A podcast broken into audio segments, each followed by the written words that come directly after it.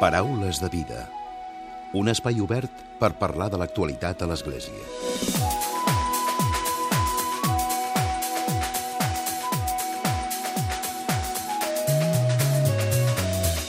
Salutacions i molt bon dia, molt bon diumenge als Amics del Desert, un moviment de meditació i de contemplació a través del silenci han organitzat una vella de pregària pel proper dijous, pel dia 22, a partir de dos quarts de nou del vespre a la parròquia de Sant Josep Oriol de Barcelona. Es tracta d'una trobada en què els participants aprofundeixen en el coneixement interior a partir del temps litúrgic que s'estigui vivint. Ara es tracta de la vella de Nadal que compartiran amb Pablo Dors. A les velles es llegeixen textos sagrats per tal de conèixer el seu aspecte místic tot acollint-los en el silenci. La pedagogia de les velles vol ser simbòlic narrativa. En parlem de seguida i ho farem amb la Mercè Soler, que és membre d'aquest moviment dels Amics del Desert.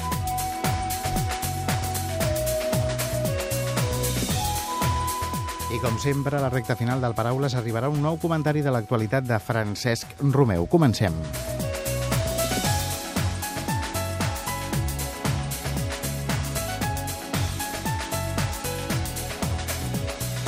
Mercè, bon dia i benvinguda al Paraules de Vida. Molt bon dia, Emili. Primer de tot, què són els Amics del Desert? Mira, els Amics del Desert és una xarxa de persones que fem meditació. Eh, bàsicament eh, hi ha persones cristianes i no, i no cristianes, de tota mena, i és una xarxa que va fundar eh, Pablo Dors, que és un capellà i escriptor que és net de l'Eugeni Dors, i que va fer un llibre que ha tingut com més de 100.000 eh, se n'han venut més de 100.000 exemplars, que ha tingut un gran èxit, que es diu Biografia del silenci. Llavors, eh, la veritat és que arran de, de la sortida i de les expectatives que s'han creat amb aquell llibre, el mateix Pablo Dor, junt amb un grup de gent, va decidir tirar endavant aquest moviment. És un moviment que s'estén per, per tot Espanya, però també té la seva seu a Barcelona. Uh -huh. Quantes persones esteu aquí a Barcelona implicades?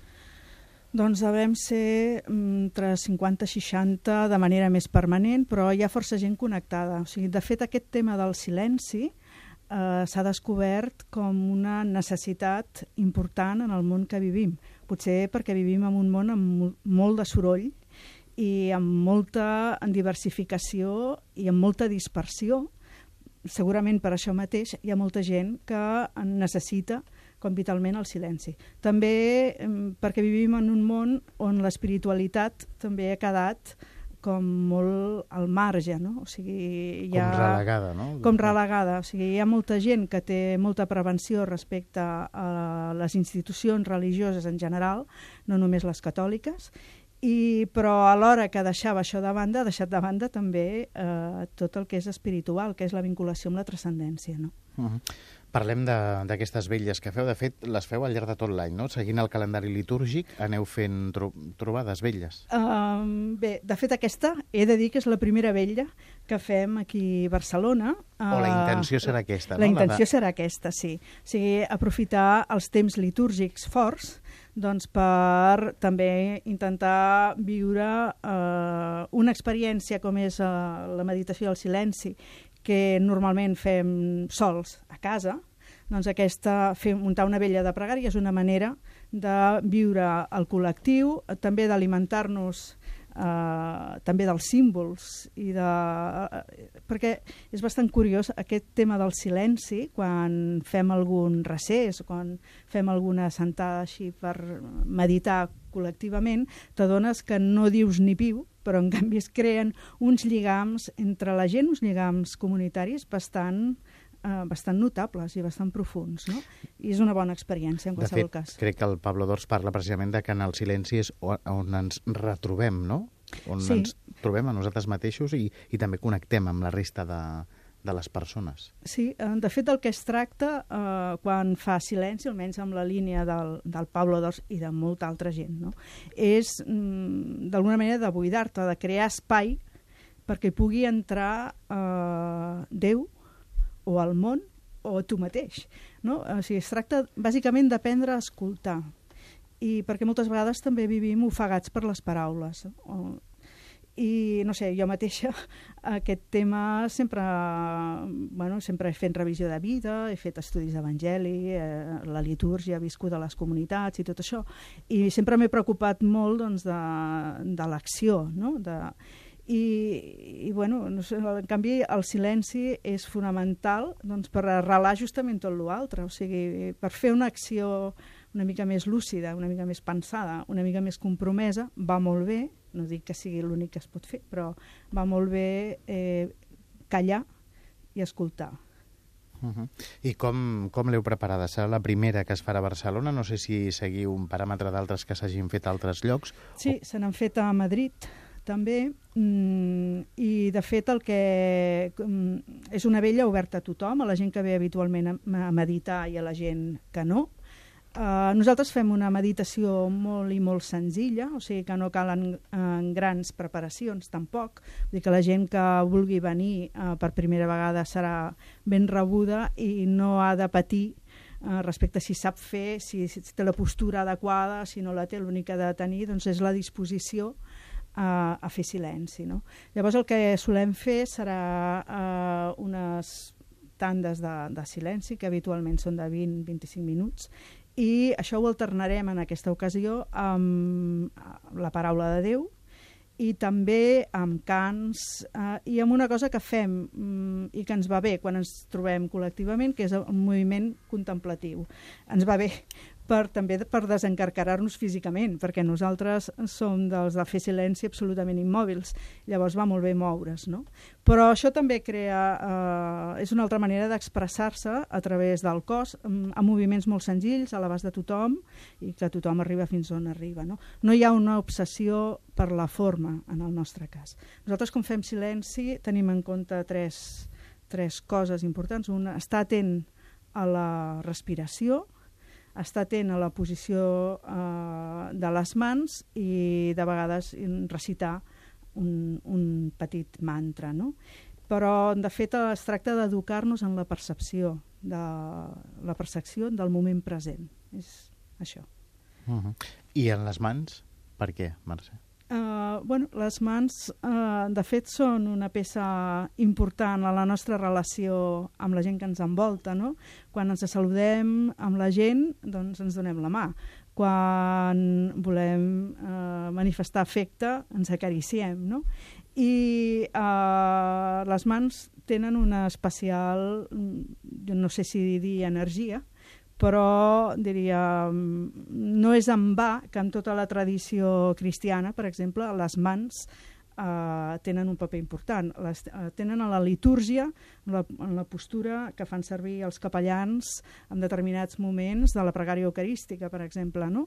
o la tenen en totes les imatges que hem anat heretant al llarg de la història, en la història de l'art, veiem que la, la posició de resar, és, la gent posa les mans enfrontades eh, que no, no vol dir que, que nosaltres hàgim d'estar sempre. Mm. Però vull dir que, que això, nosaltres seguim bastant, bueno, part de, del Pablo d'Ors, eh, hi ha una persona que és un jesuïta, un personatge molt interessant, que és Frank Jalix, que és un jesuïta hongarès, que té desenvolupat tot un, tot un sistema de meditació. Nosaltres, de fet, seguim bastant el Jàlix, i el Jàlix insisteix en el tema de les mans. Però vaja, en el fons les mans, o sigui, tant les mans com la respiració, eh, el que vol és mm, que et concentris en allò i t'oblidis d'altres pensaments. Que arribar a no pensar res en absolut, això és bastant difícil, és per nota. Eh? Això t'anava a dir, dic, potser la gent que ens estigui escoltant pot tenir la percepció. Això deu ser molt fàcil, fer silenci, i no, no? No, no uh, sí i no. O sigui, de fet, uh, el Pablo d'Ors diu una cosa que, que és important, que diu, bueno, que jo penso que, que és interessant, que diu, bueno, per fer silenci, de fet, el que cal és tenir és més l'actitud que de vegades que la tècnica. No? Per exemple, si tu t'asseus, eh, hi ha gent que sabràs eh, seure en la posició del lotus, però eh, jo, en la meva edat i gruix, ho dubto. No?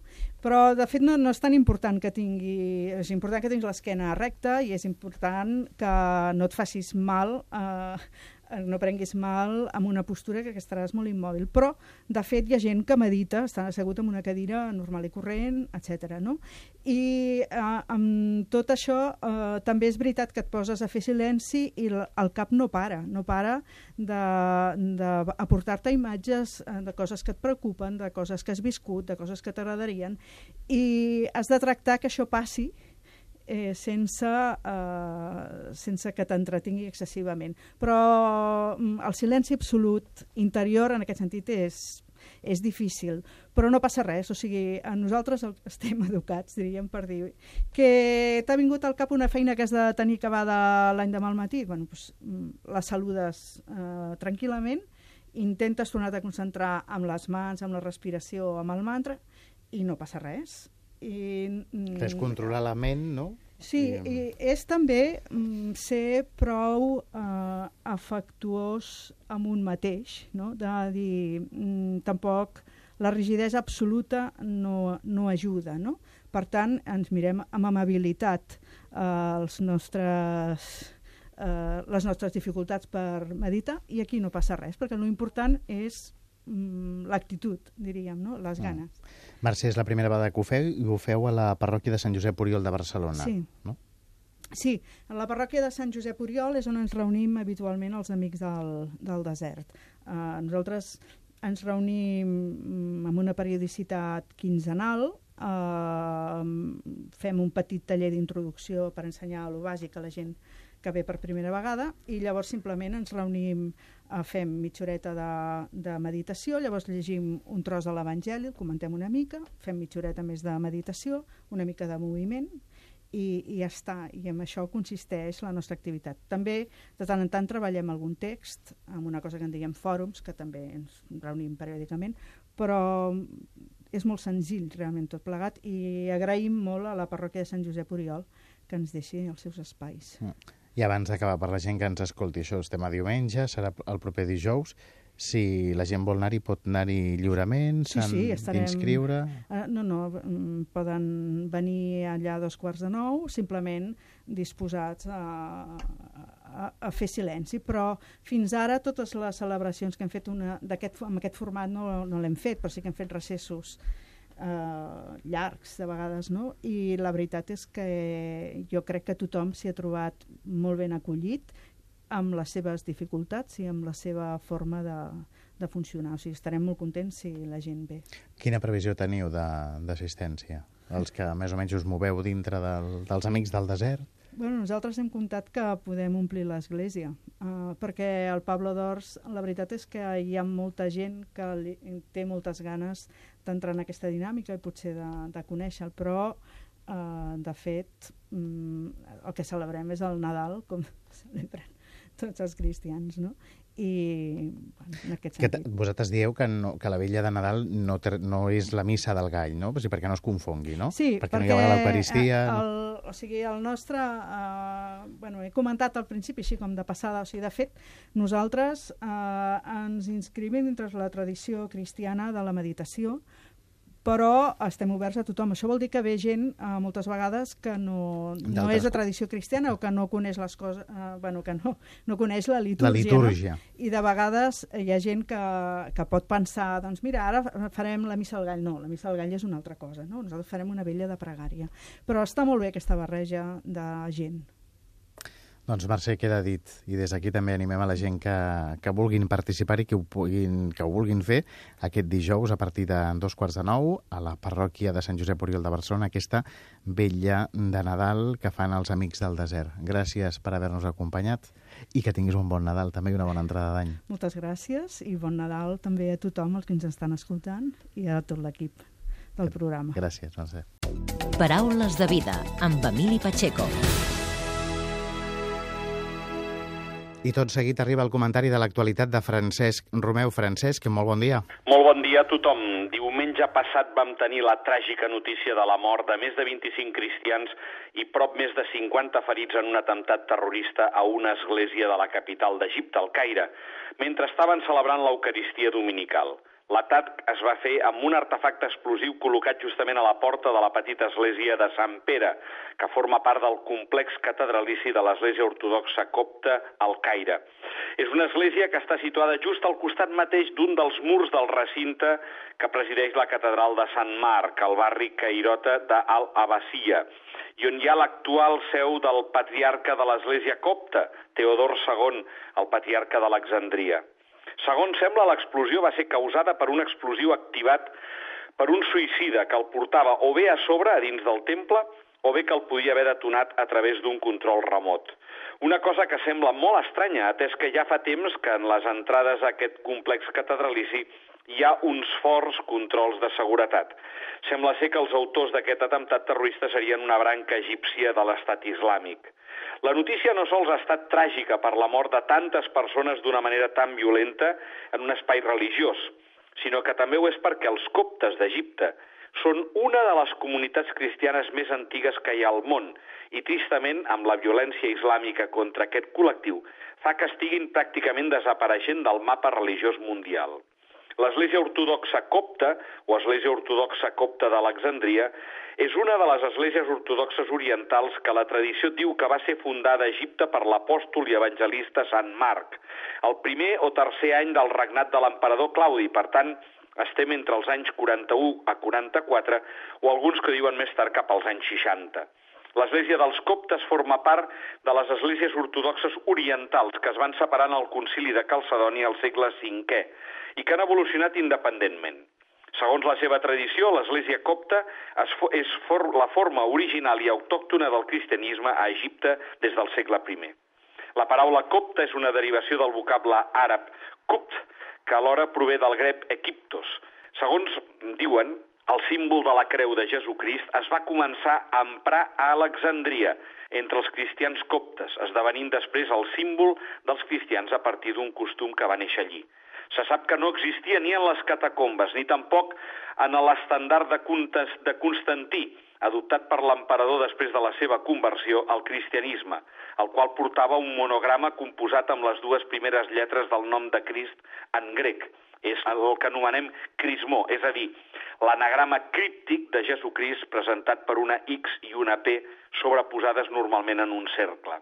Per tant, els coptes són un grup cristià nadiu d'Egipte i conformen un important grup ètnic i religiós i són el major grup cristià en aquest país.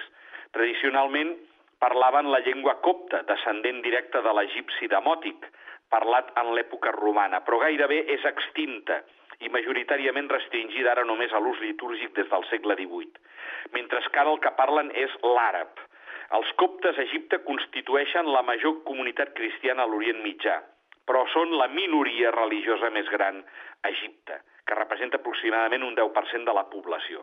La majoria dels coptes s'adhereixen a l'Església Ortodoxa copta d'Alexandria i la resta, uns 800.000, es reparteixen entre els catòlics i alguns protestants coptes.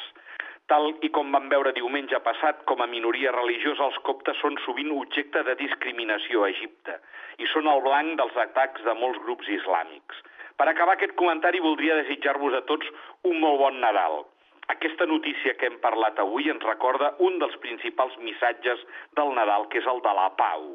Una pau que nosaltres esperem i desitgem i que sabem que és la que precisament Jesús ens porta de part de Déu mateix però que alhora cada dia veiem que en el nostre món és tan impossible d'aconseguir. Tinguem un record molt especial aquest Nadal per tots aquells cristians o no cristians que viuen en la guerra, com els de Síria, i tots aquells que en fugen i que alhora no són ben acollits en lloc com a refugiats.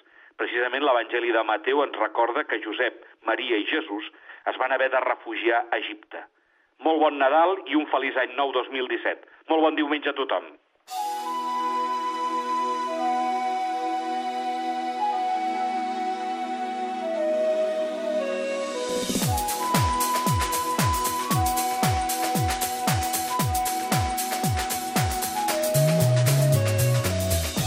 Fins aquí el Paraules de Vida d'aquesta setmana, d'aquest diumenge. En Lluís Alonso ha estat el control tècnic i qui us ha parlat, l'Emili Pacheco. Que passeu bon Nadal i que tingueu una bona entrada d'any. Ens retrobem el proper diumenge, el 8 de gener. us oferim la carta dominical de l'arcabisbe de Barcelona, Joan Josep Omella.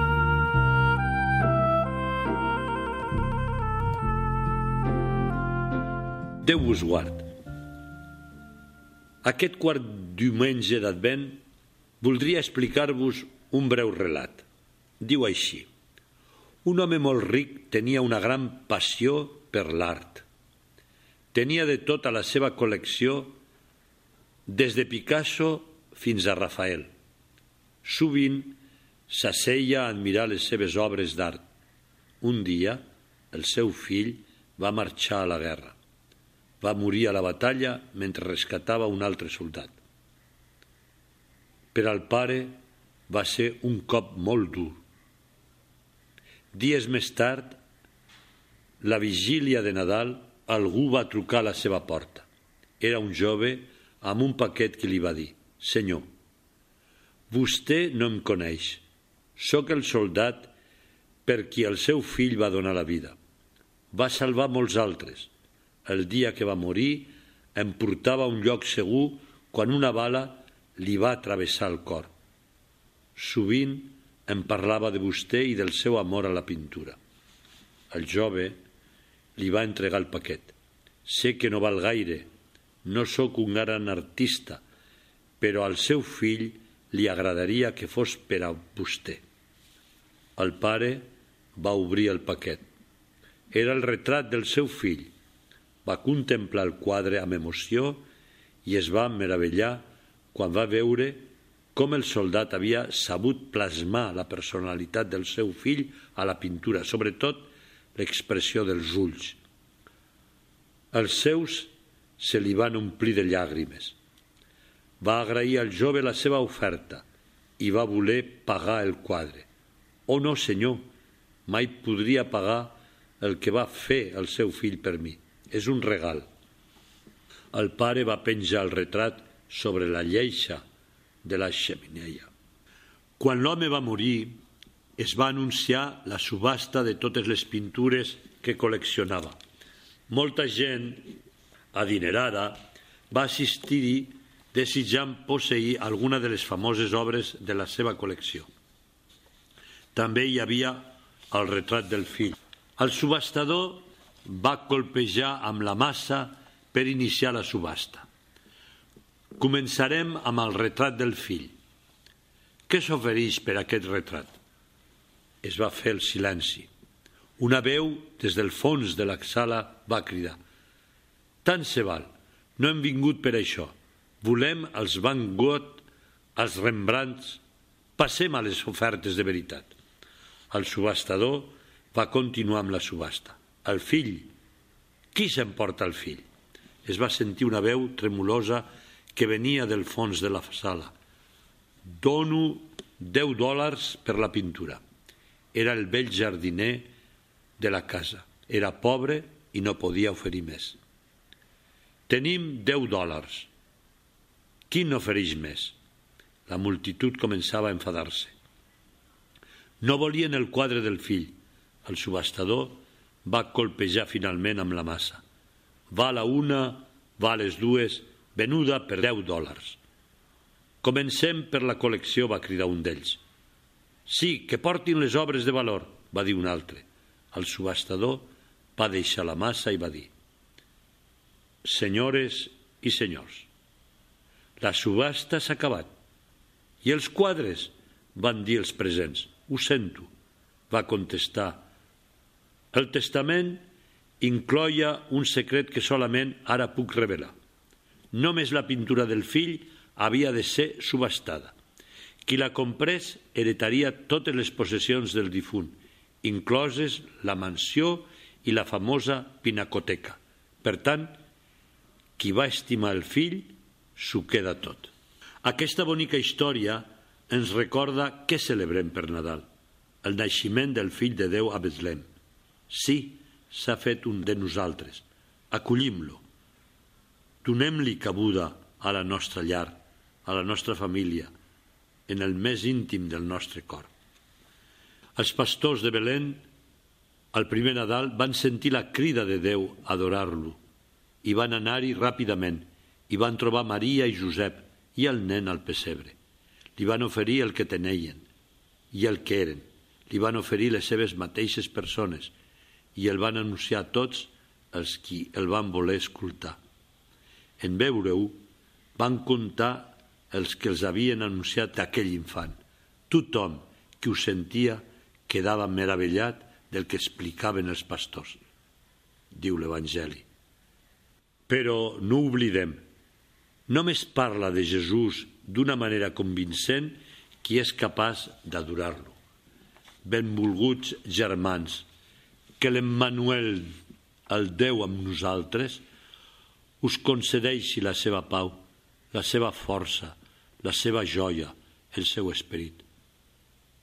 Amb el meu afecte i benedicció us desitjo a tots vosaltres un bon i feliç Nadal. Us hem ofert la carta dominical de l'arcabisbe de Barcelona, Joan Josep Omella.